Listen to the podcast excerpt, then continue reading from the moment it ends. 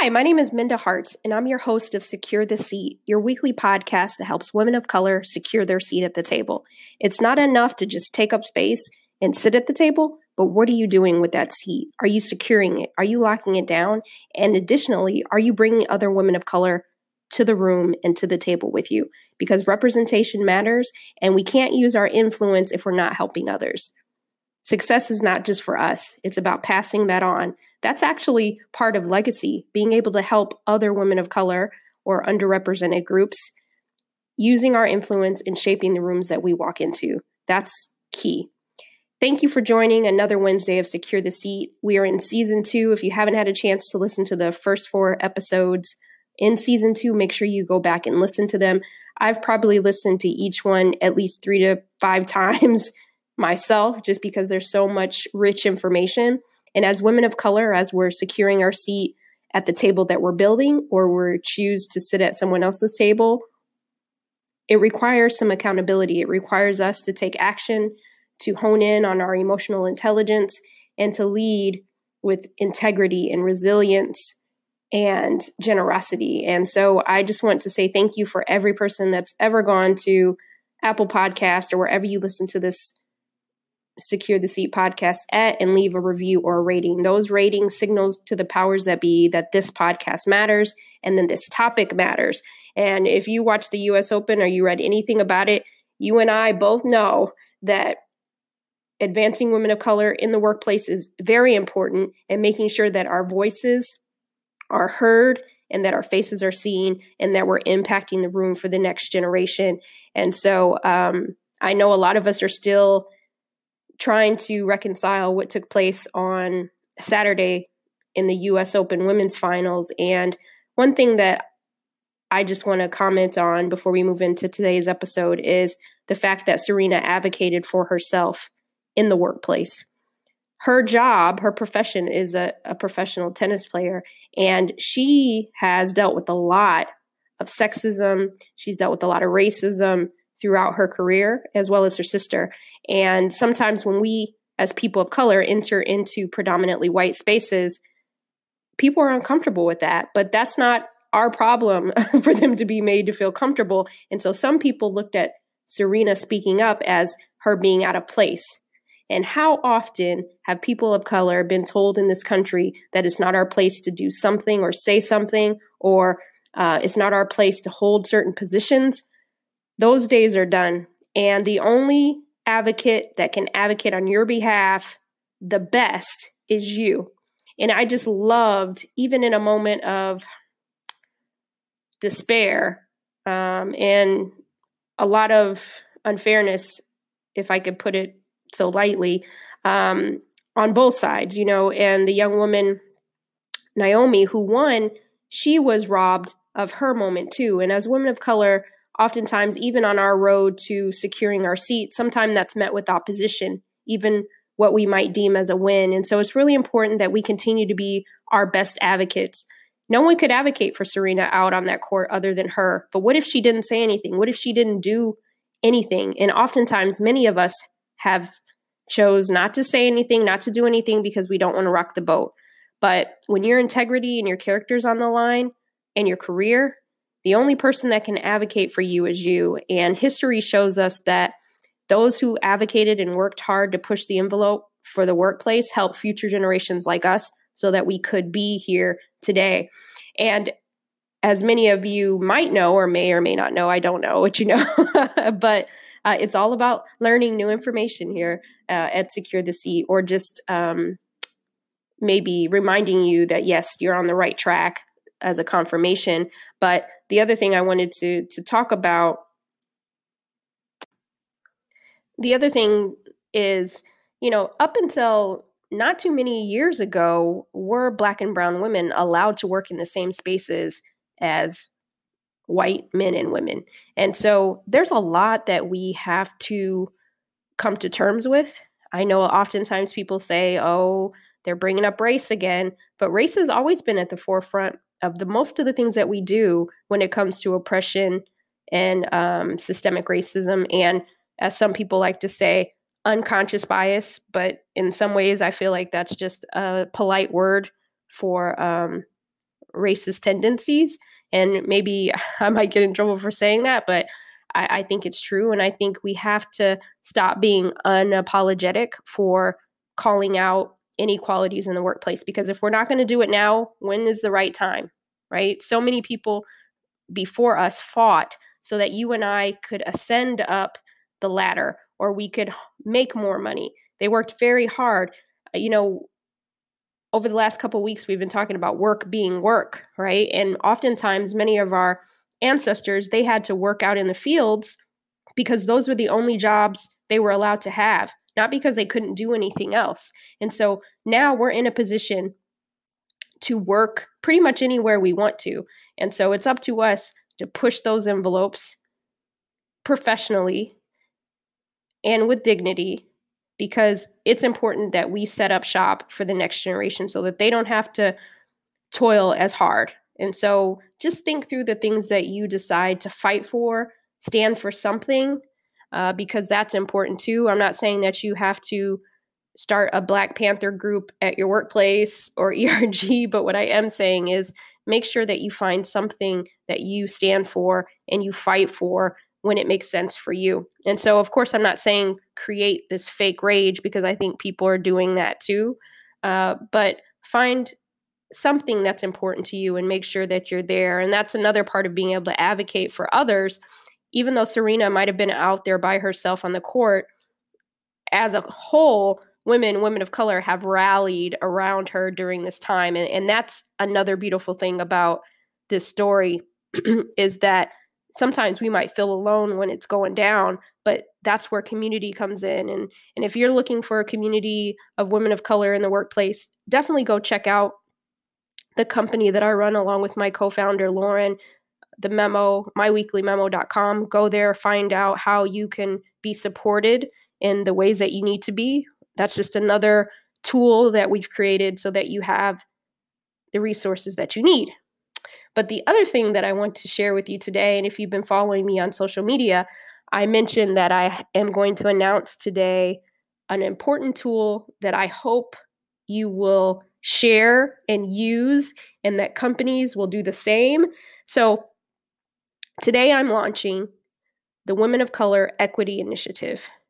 And you're like, what is that, Minda? I'm glad you asked. the Women of Color Equity Initiative is a database, a searchable database that I'm putting together that allows you, women of color, to put your information in here, your contact information, the role you currently have, your desired industry, your current industry, your desired salary, if you're willing to relocate. I want you to put everything in there because I'm going to create a searchable database so companies can find you and add you in their pipeline oftentimes I hear this sad song that is on totally scratched like the back of a CD. It's an old song that I don't want to hear anymore, that it's a pipeline problem. It's a pipeline problem. And that's why we can't fill senior positions with women of color. We can't find them. We don't know where they are. Well, the statistics show that less than 11% of women of color are in managerial roles. Less than 8% are in senior managerial roles, and less than 4% are in the C suite. And then, yet, we have this other number that says, for example, Black women are the most educated group in the country. And yet, none of that is reflected in the numbers that we see in managerial roles, senior managerial roles, and the C suite. So, if people are saying, companies are saying that we can't find them, we don't know where they're at, we're trying, we're trying, I want to see how hard you're really willing to try. And I'm going to bring the women to you. and I'm doing this. It's, I'm not getting any money for doing this. Uh, this is important for me to help move this needle. And my hope is that we can get as many women of color to sign on to this Women of Color Equity Initiative so that we can track the numbers of women of color going into these managerial roles inside of these companies. By this time next year, we'll say winter 2019, I want to be able to see tangible receipts of tons of women of color inside of this database that have skill sets that are ready to rock and roll. And then companies can come and search this database and find you and connect with you. every week I have companies reaching out to me saying, Hey, Minda, I know you have professional women of color at the memo. Do you think any of them would be interested in this position or that position? Or do you have any friends that'd be interested in this? And so I have people coming to me and I'll divvy them out on people that I think might be interested. But for all of you that I know and I don't know, I want to help you too because it's important for me to see those numbers increase. And if there's a searchable database that allows companies, tech companies, um, educational institutions, I'm not discriminating industry. What I am interested in is investing in women of color who are opting in to stay into the workplace. There's a lot of resources going into women of color entrepreneurs, and I think that's so important uh, but what about the women of color that want to work inside a more traditional workplace who want to be entrepreneurs? Who's investing in your success? And so I am marrying the two. I am creating this searchable free database for you to put your information in, and companies can come and find you. And so my hope is that, as I said, by winter 2019, we'll be able to see those numbers double. I am here for the impact. Uh, the memo was created to help women prepare for their seat at the table. I created Secure the Seat to help you lock it down and bring more with you. And this Women of Color Equity Initiative is to help put you in those positions. And so this is what I feel like my life's work is at the moment. And when I say the moment, I hope that one day so many of us are occupying these seats and securing them that we won't even have to have this conversation anymore because we have moved on to some other topics that need to be addressed. But right now, this is really important to me. It will always be important, but it's one thing to talk it, but it's one thing to walk it. And it doesn't matter if I get press in this place or that place. I'm very grateful and thankful for those things, but it's not about likes and follows to me. It's about impact. And if you want to be a part of this, go to my website, mindaharts.com, under the Women of Color Equity Initiative, fill out the survey. When I get 200 names, I will extract that information and create a searchable database so that companies, when they reach out to me, I can say, you know what, go on the, the database, find Gina, she's ready. You know, I want you to have this information. And so I just want to share resources. This is what it's about. I don't have to know you to help you. You don't have to know me to help me. you listening to this podcast, you helping another sister friend out is more than I could ever ask for. And if I could have a just a tiny slice in helping push these numbers forward, I I don't even know. I'd be overjoyed. I just hate those numbers. That 11%, that 8%, that 4% we got to do something about that. And it's not enough to have diversity. It's not enough to have inclusion. You got to have equity. You got to have skin in the game. And so, on the other side of it, I'm asking companies who are interested, invested in women of color in the workplace. You want to fill the gaps. Oftentimes, we're not even getting the opportunity to interview for these positions. And you can go to as many conferences, you can attend as many memo boot camps as you want, but if you're not getting the access to the opportunities, then you're not going to be able to secure your seat. And I'm tired of women of color investing in themselves and not having the opportunities. And so I'm creating this database, and that's what we're doing.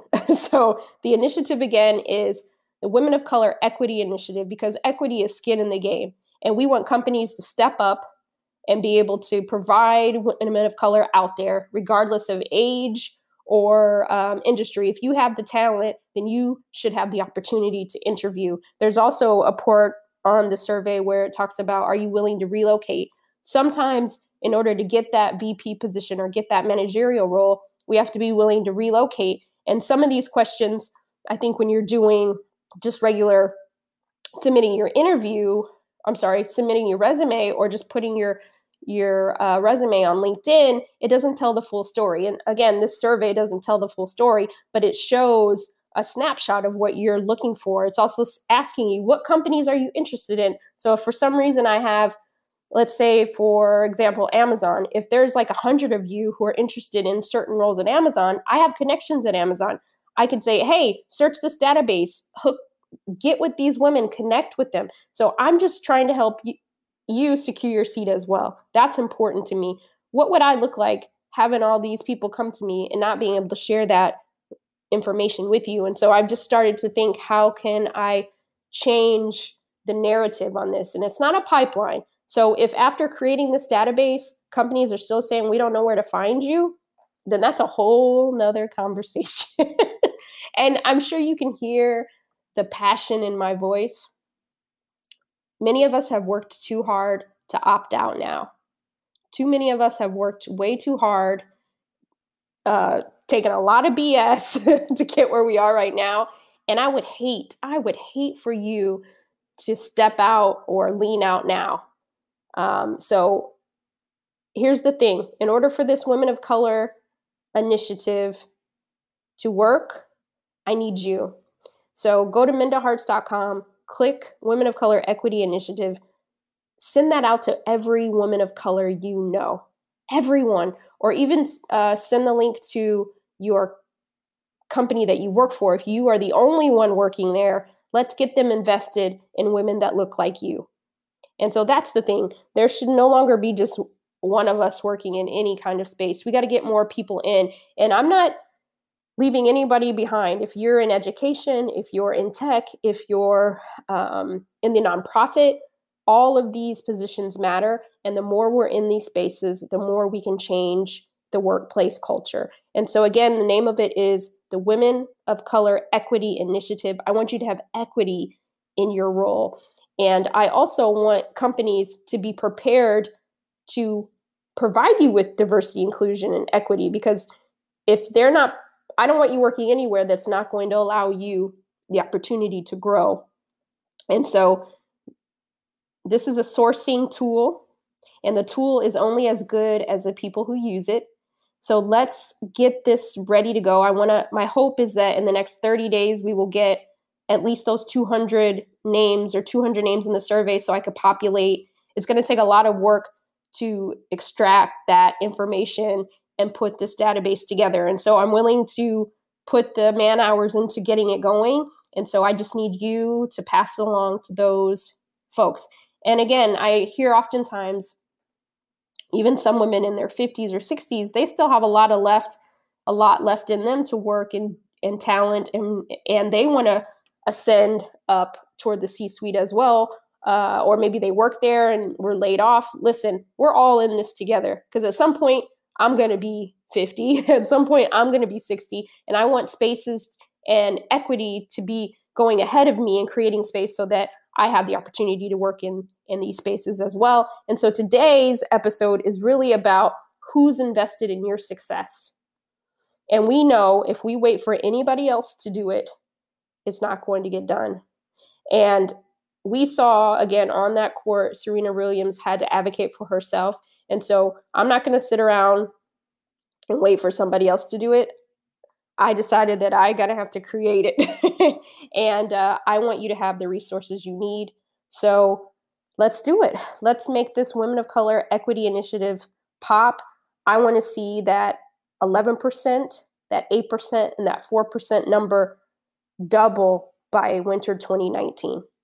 And if we are diligent about filling the survey out and passing along to our friends and family who are uh, women of color and those who identify as women of color, have them fill it out too.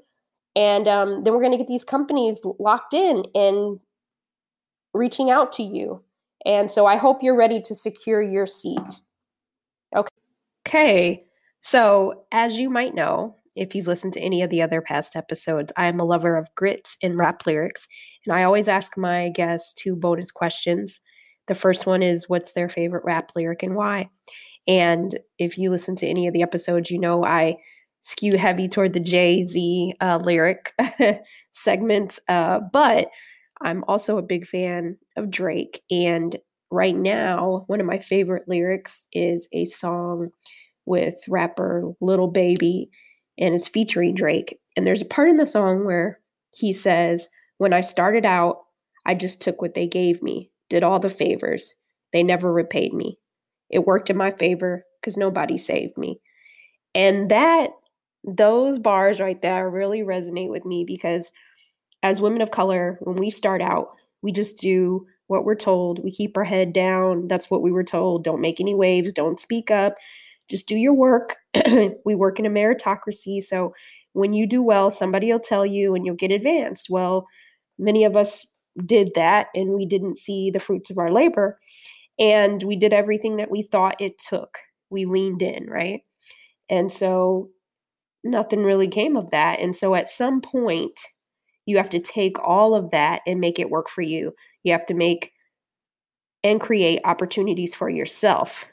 And nobody's going to save you, just like we spoke about earlier in the episode about Serena on that court. Like she couldn't look to anybody else but to be her own advocate. And so sometimes we're doing everything, making the connections, doing everything on paper that seems like that's the way to move us forward.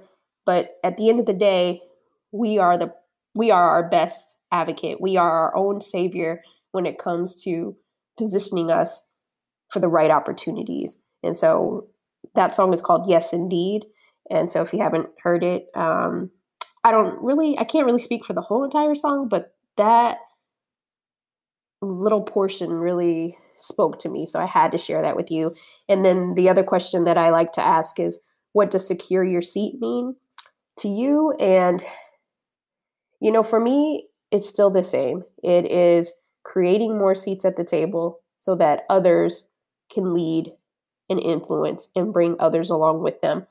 I want to get to a place where there's a succession plan that I've done everything I can do to advance women of color and continue to be an advocate, but then there's I make room for the next generation to come in and lead and guide because it's all about passing the baton.